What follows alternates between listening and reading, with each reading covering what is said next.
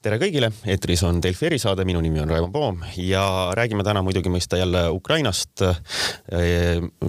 sel nädalal on väga palju tähelepanu saanud see, kuidas Ukrainat äh, aidata. Äh, muidugi räägime palju sellest Eestis, äh, kuidas läheb sõjapõgenike aitamisel, aga jätkuvalt on oluline ka see, et, et kuidas, kuidas me saame Ukrainat kohapeal aidata ja see on tegelikult veel olulisem, sellepärast et see sõltub sellest, kuidas inim-, sellest sõltub see, kuidas inimesed seal hakkama saavad, kuidas Ukraina suudab ennast kaitsta sisuliselt. Äh, et, et nii eesliin oleks, oleks tugev kui ka see tagala oleks tugev neil alati, mis neid aitab.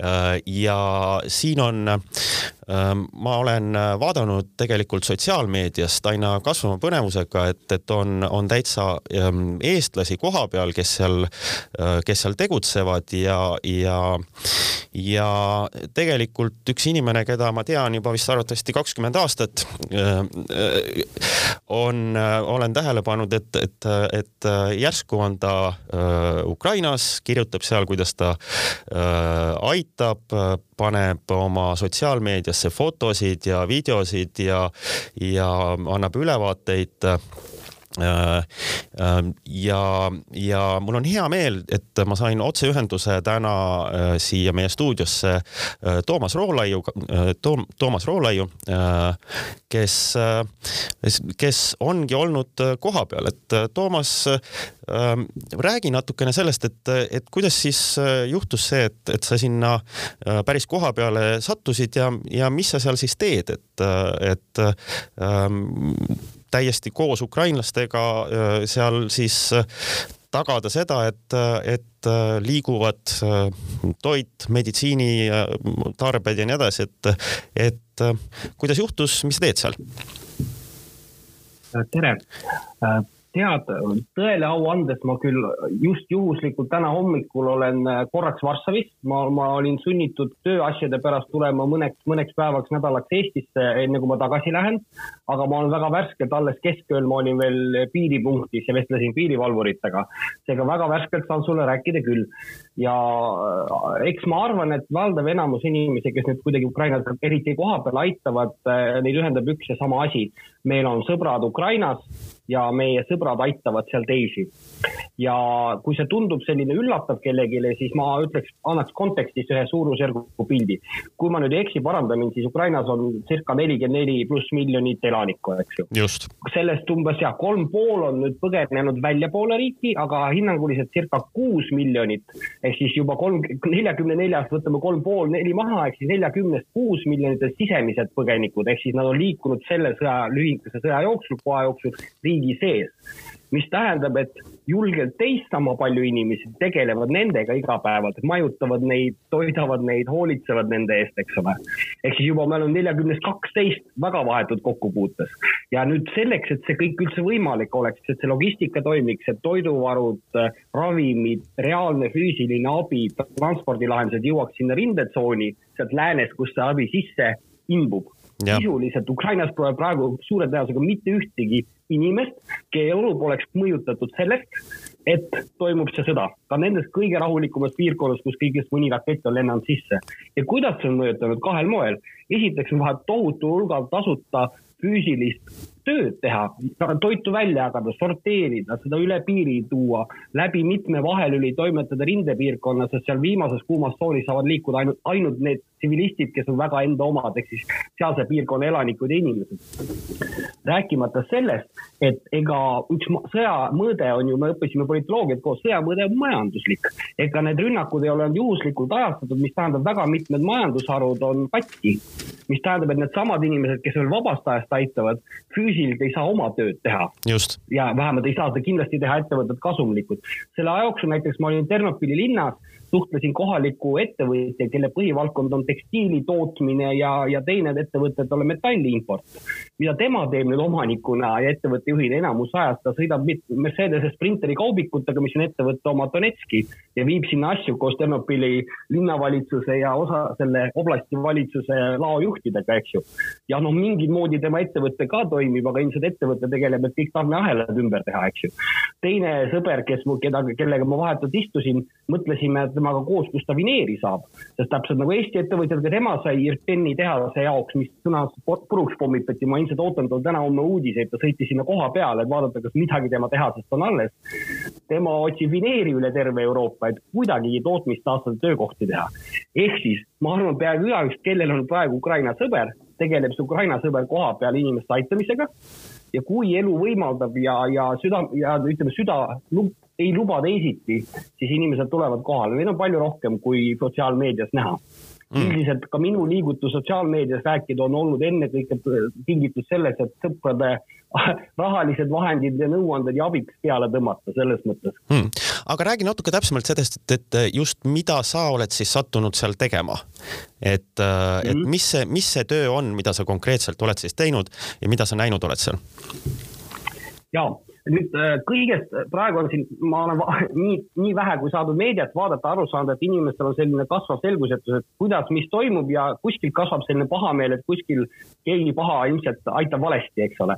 Äh, mina seda kindlasti siia eetrisse ei räägigi, valesti aitab, küll aga ütlen, erinevad tasandid.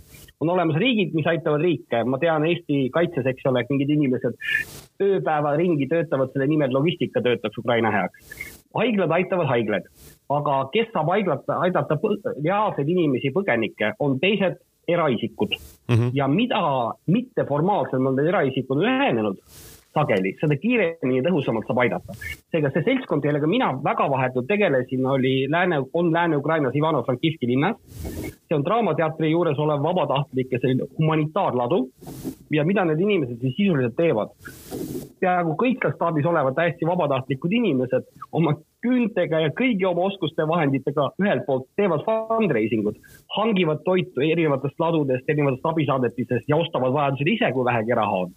sorteerivad, jaotavad. Ja siis on kaks suunda, üks suund on see, et päevas käib läbi circa kakssada viiskümmend kuni kolmsada Ivano-Frankivskis elavat äh, sisepõgenikku, kellel on vaja iga päev süüa ja hügieenitarvikuid, nad saavad oma paketi ja ka ravimeid, sest apteekides seda pole üldse võtta, isegi läänes ja teine suund on see, et neile tulevad väga detailsed, väga isiklikult, väga konkreetselt külavanematelt või, või konkreetsete regiooni juhtidelt palved, mida päriselt on seal vaja külas, kus ei ole olnud elektrit või süüa, kust on just sõjavägi üle käinud. Ja nad otsivad ja panevad konkreetselt pakendi kokku ja siis teevad midagi täiesti vaimustavat, millest ma arvan, Eesti ja kõigi Euroopa logistikud on vaja õppida leitakse circa alla neljakümne kaheksa tundi äh, Marina nimeline vabatahtlik, kes on tegelikult Kiievi programmeerija, kes pool ajast teeb oma tööd ja ülejäänud poole palgast siis paneb selle töö alla, et äh, saada vabatahtlikud appi.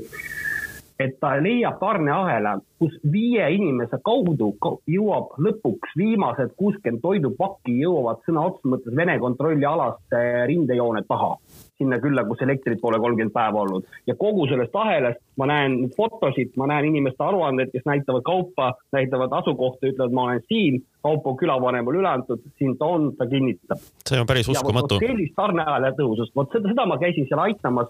minul on üks luksus, mul on suur luksus nimega oma auto ja Euroopa numbrimärk ja Euroopa juhiluba mis tähendab, ma saan edasi-tagasi üle piiri käia.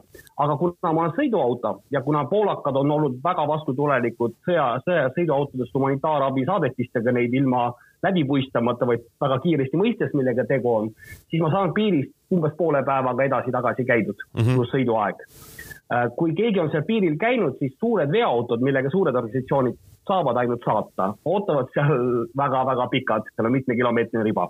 aga minusugused läbi, läbi sõela nagu vesi kuidagiviisi suudame ennast välja pressida ja viia see, noh, sõna otseses mõttes, kes vaatab Facebookis, mul on video, kus vabatahtlikud suure rõõmuga tassivad minu autost välja konservpurke, mida ma öösel kell kümme pühapäeva õhtul Medõkas Poola linnas olevas humanitaarlaost ausõna peale sealse juhi käest välja kraapisin mm. -hmm. nii et see tuleb ikkagi, ikkagi ähm, peamiselt Poolast äh, vaata, selline lugu on, äh, võiks ju olla ilus maailm, kus meie saaksime puhtalt ja kenasti saata, teha pangaülekande ja nemad seal kohapeal ostaksid. Lääne-Ukrainas, kus on asjad suhteliselt hästi võrreldes sõjatsooniga, saab gruppi, nüüd saab juba, ma ei tea, tatart osta natuke õli, suhkrut väga vähe osta, lihakonserve ei ole seal tikutulega leida, viimati oa, oakonservi purk maksis kaks dollarit eh,, siis noh, kaks eurot. kujutage ette, et eh, Eestis ta maksab, eks ole, alla euro ja meie elatustase on julgelt kolm-neli-viis korda kõrgem kui sealsed inimesed. seega on teatud kaubagruppe, mis on tõhusad selles mõttes, nad on hästi pakitavad ja seal on palju kaloreid sees. Neid lihtsalt ei ole võtta Ukrainast praegu mm -hmm.. noh, ja mis minu töö näiteks seal oli peale selle transpordilahenduse, peale fundraising'u ja ostmise, nii palju kui me osta koha peal saime. rääkisin ma kõikide Poola tuttavatega ja Reelika Viru-Nurm Pipedrive'i kolleeg, kes ka mõned päevad oli toeks Poolas, aitas ravimeid osta Poola apteekrite käest nimekirja alusel. ja siis me panime kasti piiripunkti ja mina või keegi meie poolt oli vastu ja viis kasti minema, ehitasime sinna logistikat Äh, ja teine asi, mida sai teha, on tõesti Eestis kontakte otsitud. väga mitmed inimesed on mind aidanud sellega, et öelnud, kuule, ma tean selle meditsiinitarvikute hulgilao juhti, äkki see inimene aitab. Äh, üks veel lihtsalt detail, detailidesse minnes, et mis ongi point, et sest asjad peavad olema hästi isiklikud, konkreetsed ja silmast silma, et olla neetult kindel, et asi jõuab lõppsaajani. sõja ajal ei toimi selles mõttes äh, bürokraatia aeglustab, aga on olemas kõige naljakam asi, selline ähm, inimnäoga selles mõttes bürokraatia ehk siis selline tõendite ja kokkulepete, väga täpsete kokkulepete süsteem, mis võimaldab väga kiiresti liikuda. ehk siis paradoksaalselt kujuta ette, kui ma ütleksin, et, et üks tarneahel koosneb viiest lülist ja iga lüli peab tegema videotõendit sellest, et ta kauba kohale viis. logistikud haaras peast kinni, ütles lõpetage ära, see ei toimi. see toimib siis, kui iga inimene on logistik, igal inimesel on nutitelefon ja võimalik viieteist sekundiga öelda, ma olen siin, kaup on siin, tas võib mhm. edasi liikuda, eks ole mida, keda ma veel aitasin, seal on pildid olemas mul Facebookis ühest äh, meedikute tiimist, kus on farmatseudid ja meedikud. ma käisin, neil on kõik ravimid mööda riiulid, nad otsivad üle Euroopa ja maailma ravimeid kokku ja nad panevad rindele minevaid neid apteeke. ehk siis nii esmaabiapteeke arstidele, kes seal on, nii sõjaväelastele, territoriaalkaitse omadele kui ka tsiviilisikutele, kes on tule all. seal on põletuskeelid, skutid, vot sellised asjad. ja noh, sisuliselt see on see seltskond, kelle juurde sa tuled ja neil on kõikide erinevate riikide keeltes olemas ravimite nimetused, mida selles riigis apteegist osta saab. Palvega igaühelt osta neid ja kuidagi saada kohale toimetatud. Äh, nendega me arutasime, mida sai osta, Reelik ostis, tõime kaks saadetist täis ravimeid neile ilmselt aitasime kaasa circa kahesaja viiekümne esmaabipaki tekkimisele. ja võib-olla sulle nii-öelda kolmandaks kõige põnevaks asjaks, mida ma siiralt loodan, ma kunagi ei näe Eestis juhtumas, sest meil ei tule sõda ja ma tahan, et seda ei oleks, on esi, on seltskond, kes loob esimest vabatahtlike hospitali ehk siis Harkivi arstid, kirurgid ja traumatoloogid, täisprofessionaalid, kes on sealt pidanud põgenema, kelle haiglad on maatasa pommitatud, on saanud kokku, leidnud meditsiinikeskuse, kes on andnud oma ruumid ja nüüd äh, ma loodan ka neid aidata muuhulgas sisse seada, et nad saaksid nii-öelda teise ešeloni haigeid ravida, ehk siis need, kes rindehaiglates on saanud kiiresti kokku lapitud, aga, aga valesti vajavad, kokku lapitud. no ja vajavad ta... ümber lappida, jah. veel, veel noh, mingit aega, eks ju ja. ja lihtsalt viimane detail siia lisada, et mõelge korra selle peale, et kui, kui nüüd juhtub üks lünk, mida suured organisatsioonid ei saa katta. kui Eesti Haigla annab Lvivi haiglale abi, siis Lvivi haiglal on käsk ja korraldus hoida kolme kuu varu ravimitest, see on see, mida institutsioonid teevad, ka Eestis me tahame, et nad seda teeksid mm. -hmm. kuid iga asi, mis jõuab sinna, on praegu vähem kui kolme kuu varu, mis tähendab, et abi, mida me anname Lvivi haiglale, ei jõua kunagi vabatahtlike arstideni, sest lihtsalt ei tohi jõuda mis tähendab, et meiesugused inimesed, keda on väga palju, äh, sinu abiga muuhulgas, peame leidma selle abi, et aidata omasuguseid, kes seal abiks on. mis on täiesti minu, ka minu jaoks uus fenomen, kuigi ma olen kuusteist aastat vabatahtliku päästega tegelenud, ma ei kujutanud ette, et kahe-kolme nädalaga tekivad väga selged sünkroonis toimuvad pagulas äh, sisepõgenike jaoks olevad humanitaarlaod koos kogu selle süsteemiga mm. -hmm ma, aga siit ma kohe küsin, et, et, et ma saan ka aru, et, et sa tuled korraks nii-öelda hinge tõmbama Eestisse tööasju ajama, aga samas teed ka oma fundraising ut, et et äh, kuidas siis äh,, kuidas inimesed aidata saaksid seda äh, nii-öelda näiteks sedasama äh, siis tööd, mida sa oled teinud seal, neid samu vabatahtlikke, kes, kes sellesamaga seal edasi tegelevad mm? -hmm. Esiteks, kui nüüd hakata igaühele rääkima, siis punkt üks, nagu sa ütlesid ka, et, et ka see riigi sees põgenike aitamine on väga suur asi. täpselt nagu ma näen Eestis juhtumas see, et ma, ma näen pidevalt Facebooki ja Telegrami gruppides, kuidas inimesed aitavad ukrainlastel leida elukohta, korterit, süüa ja esmatarbeasju, see on tegelikult ka väga oluline kui see on see level, kus praegu õnnestub töö kõrvalt tegeleda, kasvõi leida mingit riikimislaud ja triikraud või mähkimislaud või what not, eks ole, see on tegelikult ka päris oluline, sellepärast et nii asjalikud kui ka ukrainlased ei ole, kes siia on jõudnud, tegelikult väga suur osa neist sõjast väga traumeeritud. Nad lihtsalt nii-öelda hoiavad, et viis riimi lennab, ma ütleks, see on esimene asi, kuhu sirutada. teine asi on see, et, et tõesti raha annetada on okei okay, aga kui me, kui te raha annetate, ma kutsun kõiki võtma ka selles mõttes rahulikult. ühtepidi andma nii palju, kui tundub praegu on võimalik, eks ole, aga ka pidama silmas, et juhtude kuu aja pärast ei ole see olukord veel möödas. isegi kui on möödas sõja kuum faas, ei ole möödas humanitaarkatastroof ja meie abi läheb veel vaja. seega ärge ennast nii-öelda ribadeks kiskuge ühe suure annetusega ja siis pärast on tunne, et pagan, must ei olnud abi on abi ka kahekümne viiest eurost, kakskümmend viis eurot on viie-kuue inimese ja viie-kuue perekonna päevatoidupakk kujutage ette, et üks kahekümne viie annetus annab viiele-kuuele perele kolme-kahe lapsega päevaks süüa. see on päris suur asi, mida teha. seega selles mõttes, kes mind tunneb, kes tunneb inimesi, kes ma tunnen, saab ka mulle annetada, mis, miks ma tegin sedasi isikliku annetuse, täpselt sellest ühtepidi olla bürokraatiast vaba, aga ka isikliku küüne ja karvadega vastutav. aga mina saan aidata jälle neid, keda ma olen näost näkku näinud jäänud nende usaldusisikuid, eks ju. samas ma tean MTÜ Mondo toimib küll MTÜ-na, aga üsna sama põhimõtte järgi Vostok SOS organisatsioon, keda ma ka tunnen, kes on seal Donetski ja Luganski piirkonnas tegutsenud, on tohutult asjalik. vot nemad on kiired tegutsejad, nende eest ma saan ka isiklikult äh, vouch ida, eks ole, panustada ja no teine asi on tõepoolest see, et noh, et, et vaadake, et aidake, noh, mis, mis on natuke keeruline, on see, et kui te võtate ühe sõiduauto täie sööki ja viite ta kuhugi piirile, siis ta selles mõttes ei lähe raisku, aga ta ei pruugi ka nädala või kahe jooksul veel Ukrainasse jõuda, sest nendest ladudest üle piiri saamine ei ole alati kõige lihtsam selles mõttes.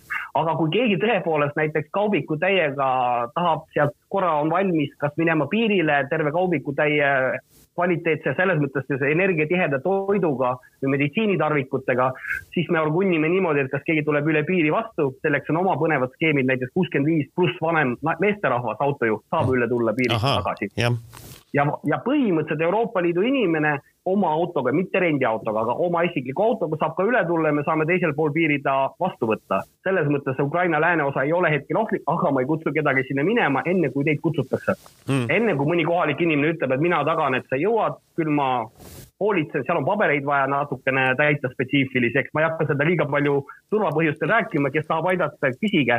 vot selles mõttes ja, ja muidugi ausalt öeldes, millega veel saab aidata, on tõesti näiteks äh, spetsiifiliste asjadega, et ma püüan oma Facebookis ka öelda, olukord pidevalt veidike muutub et ma kogu aeg iga päev mõtlen, kuidas ma sõpradele aru annan, mis ma nende raha eest teen. eks ju, et iga, kui ma ütlen, et homme ostame ravimeid, homme selgub, et hetkel on oluliselt kiirem vajadus sinna Sumõ piirkonda süüa viia ja tekke, eks ole. no ega ma siis ei hakka kohalikele ütlema, et, et ma ostan siin ainult sidemeid, et ei saa tekke. ehk siis, siis ma reageerin vastavalt ja riskid veidi pahameelega teiselt poolt.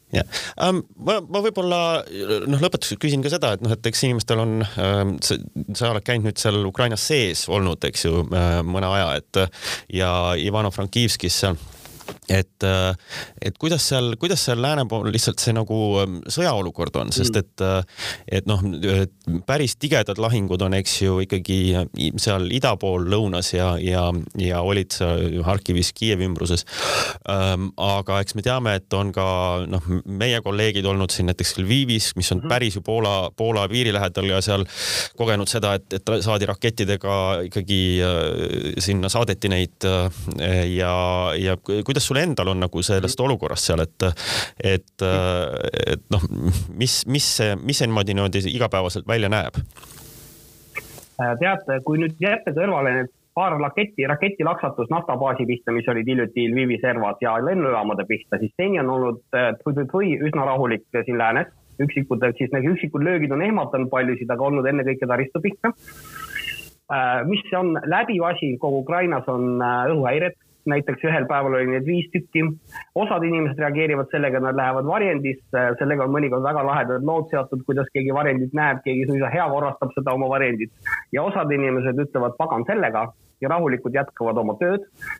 selles mõttes seda näeb, et selle Ivano-Frankivski raekoja keskel seistes, kui sireenid hulguvad, tavaliselt enamik inimesi, kes seal kõnnivad, ei liiguta kulmu ka selles mõttes. ja noh, hetkel nad ei riski eluga, ilmselgelt seal, kus päriselt pommid on elupiirkondadesse kukkunud, inimesed käituvad teisiti, eks ju Äh, küll aga ma, ma vist pean selle ära rääkima, et, et mul on seni vedanud, et ükski minu isiklikest sõpradest ei ole surma saanud, aga selle viie-kuue päeva jooksul tegelikult peaaegu nii-öelda seitse-kaheksa korda minu suhtlusringkonnas või ümberkaudsel inimesel sai teada, et tema õe, isa, sõber või keegi nii-öelda sai surma ja see on isegi midagi sellist kahjuks, mis ei ole nii suur number selles mõttes. Nad, nad on väga delikaatsed Ukrainas, nad ei tee sellest suhtu, nad ei leina avalikult, nad on tohutult nii-öelda äh, soojad, vaatamata sellele kriisile. iseenesest ma tegin ühe pöördumise väga emotsionaalselt pärast televisioonis rääkides, et ukrainlased on tugevad ja ma jätkuvalt mõtlen seda mm,. see, see riik ei ole täis hädiseid inimesi, kes ootavad Euroopa abi, eks ju, eks nad kasutavad kogu oma suhtlemisoskust, et küsida kaitset taevaste humanitaarabi aga riigi sees nad ei raiska ühtegi minutit ega sekundit. ma eile olin äh, Lvivis külas tantsuõpetajal, kes ütles, et ta ei saa praegu tantsuõpetajat, noh, lihtsalt nagu ta ütles, vabandust väljas, et ei seisa, eks ole, aga ta on selles mõttes jumalast antud logistik ta, ta oskab rääkida täpselt, kuidas saada Sumõõsse rindejoone taha ja ta teab neid kohti, kus Karpaatides saab Poola piiri ületada nii, et piirivalvurid teavad, aga midagi ei juhtu mm -hmm. selles mõttes. ja, ja, ja vot see on, selliseid imesid on seal sündinud. inimesed on programmeerijad, kes on logistikud, inimesed on saanud nii-öelda esmaabiõdedeks ja ravimitega tegeleks, olles samal ajal lasteaiakasvatajad, eks ju. et see kiire ümberõppimine, see on midagi sellist müstilist, et kui midagi jääks kandma, on see, et Ukraina on ühis, selle kodanikuühiskonna poolest, kui me räägime mitte formaalsest poolest, vaid sellest, kuidas inimesed moodustavad gruppe demokraatlikud ja et aitavad teisi lahendada ühiskondlikke probleeme, no on täiesti Lääne-Euroopa riik selles osas mm. -hmm. ma olen selles mõttes alati neist hästi arvanud, aga nüüd ma olen positiivses šokis iga päev. ja äh, seda on, seda on väga hea kuulda äh, et ähm, ma arvan, et, et äh, siit äh, võib-olla ongi tähtis nagu meelde jätta seda, et, et äh, seda abi läheb arvatavasti äh, ükskõik, kuidas see sõda nüüd läheb äh,, siiski vaja äh, nüüd mitte ainult täna-homme ega sel nädalal, vaid, vaid arvatavasti ikkagi mitmete kuude jooksul. Ja, ja igasugust, et, et äh, Päevaleht on ka siin kirjutanud, et äh, uurige, äh, uurige täpselt, mõelge läbi, millist abi te tahate ja millist on jõukohane saata, kellel on jõukohane võib-olla panustada oma aega Eestis, kellel on jõukohane panna, siis teha mingi annetus, vaadake, kuhu see annetus läheb. uurige, kuidas see käiku läheb.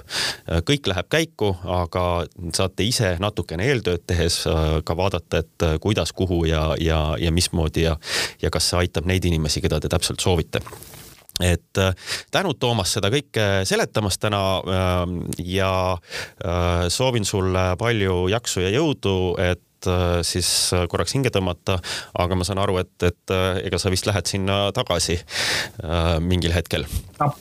ega pole pääsu, ma tabasin ennast ühel hetkel nii-öelda Poolasse öösel sõites, aru saades, et ma komandandi tunni tõttu ei jõua enam tagasi. selles mõttes see läheb väga pikaks, see sõit läbi blokkpostide. siis korraks tekkis tunne, pagan, ma ei saagi ööseks koju et see, see, see inimese loomus on selline, aga tegelikult ka need sõbrad, kes on mind siin vastu võtnud, on kogu oma murede ja tegemiste kõrval ka leidnud kuidagi aega, et ka mulle see kodune tunne, ma ei tea, märkamatult äh, tekitada. ja tõepoolest ja muide ütlen ka veel viimase kurioosse asja, et, et sellest on, ma arvan, kunagi on võimalik täitsa terve erisaade teha äh, sel teemal, kuidas ukrainlased on detsentraliseeritud meeme kasutanud see looming ja kunst, ma viimati eile, üleeile õhtul vaatasin Ternopilis äh, rahvalaulu, mis oli ümber tehtud siis vastavalt päevakajalisele asjale. see, see loomingu hulk, sellise süüdimatud, laheda, terava satiirilise loomingu hulk, mis on paisatud maailma, kuidas nad sõdivad. ukrainlased suudavad infosõdida, infosõda sõdida ka stiilselt, mitte räpaselt, mitte õudselt, vaid efektselt. selles mõttes ma arvan, et kui, kui kuum faas läbi saab, me peame kõik kollektiivselt minema õppima sinna seda. Äh, seda, seda vist küll, aga suur tänu. Äh, tänaseks on äh, saateminutid otsa tiksunud. Delfi erisaade on taas eetris järgmistel päevadel ja kuulake meid jälle. aitäh kõigile kuulamast